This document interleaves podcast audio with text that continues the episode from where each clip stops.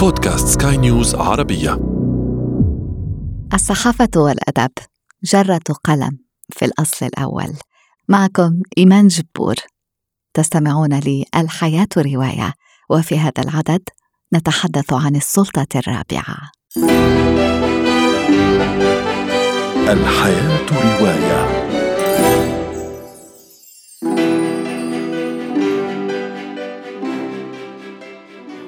هناك تقليد يرى الصحافة على أنها الجانب المظلم للأدب. أنا لا أوافق. أعتقد أن كل الأعمال المكتوبة تشكل أدبا حتى الكتابة على الجدران. إدواردو غاليانو الكاتب والصحفي الأوروغواياني. حديثنا اليوم تقاطعات بين الصحافة والأدب. Alfred Dreyfus, vous n'êtes plus digne de porter les armes Au nom du peuple français, nous vous dégradons. Soldats جاكوز ونصوص أخرى حول قضية دريفوس للأديب والصحفي الفرنسي إيميل زولا. وجاكوز ترجمته الحرفية من الفرنسية أنا أتهم لكن المصطلح صار يستخدم لإدانة كل ظلم اجتماعي. وأصل ذلك المقال الشهير الذي نشره زولا عام 1898 رسالة مفتوحة لرئيس الجمهورية الفرنسية آنذاك. اتهم فيها زولا السلطات بالتواطؤ لإدانة ألفريد دريفوس بالخيانة. ودريفوس هو ضابط فرنسي. اتهم ظلما بالتجسس لصالح ألمانيا. حكم عليه بالسجن مدى الحياة رغم كل الأدلة التي تبرئه والتي تدين الجاني الحقيقي. نفي دريفوس إلى سجن جزيرة الشيطان الشهير بغويانا الفرنسية. هذا الظلم الفاضح دفع إيميل زولا إلى التدخل بطريقة قوية عبر هذا المقال الذي يعرضه هو نفسه إلى المتابعة القضائية. يوجه زولا تهم التواطؤ ضد دريفيوس لعشر شخصيات بمن فيهم وزير الحرب ورئيس أركان الجيش. رسالة زولا ستفضي في نهاية المطاف إلى تحريك مستنقع المؤامرة وإنصاف الضابط البريء ليبقى جاكوز رمزا جبارا لسلطة الصحافة في خدمة الحقيقة والإنسانية. نصف قرن هو عمر فضيحة ووترغيت والتحقيق الصحفي الأكثر تاثيرا. صحفيان شابان في جريدة الواشنطن بوست بوب وودورد وكارل بيرنستين يكشفان الفضيحة السياسية التي أدت إلى استقالة رئيس أقوى دولة في العالم رئيس الولايات المتحدة الأمريكية.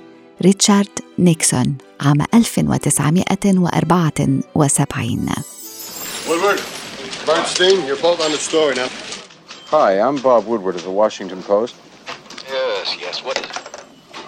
I was just kind of wondering why your name and phone number were in the address books of two of the men arrested at Watergate. في كتاب All the President's Men رجال الرئيس يخط لنا بيرنستين ووودوارد أطوار المغامرة المدهشة التي قادتهما إلى إماطة اللثام عن المسؤولين عن عملية السطو التي تعرض لها مقر الحزب الديمقراطي. رغم المطبات والمكائد رغم الضغوط السياسية الهائلة تجسس واحتيال وتزوير ورشاوى وصولا إلى أعلى سلم البيت الأبيض. تنتهي القصة كما هو معلوم باستقالة نيكسون الشهيرة.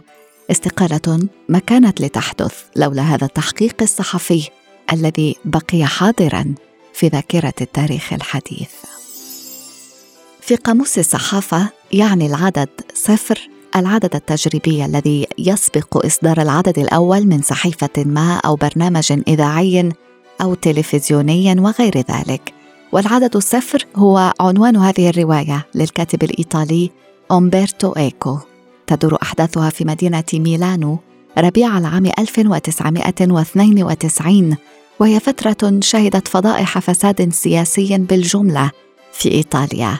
في هذه الفترة يعكف أحد الأثرياء على تأسيس جريدة أطلق عليها اسم دوماني أي الغد، ولهذا الغرض يستعين بهيئة تحريرية قوامها خمسة صحفيين فاشلين. مع توالي أحداث الرواية يقترب القارئ من الكواليس الخفية لمهنة الصحافة ودهاليز فساد السلطة الرابعة عندما تتحول إلى أداة للاستحواذ على العقول وتوجيه الرأي العام على عكس القاعدة الصحفية الأولى والأخيرة. يجب أن نتوفر على المادة لا أن نخترعها كما تقول الكاتبة والصحفية الفرنسية كوليت. الحياة رواية. ختام هذا العدد الذي خصصناه للصحافة في الأدب. أشكركم على وفائكم. كنت معكم إيمان جبور وفي الإخراج نارت شابسوغ.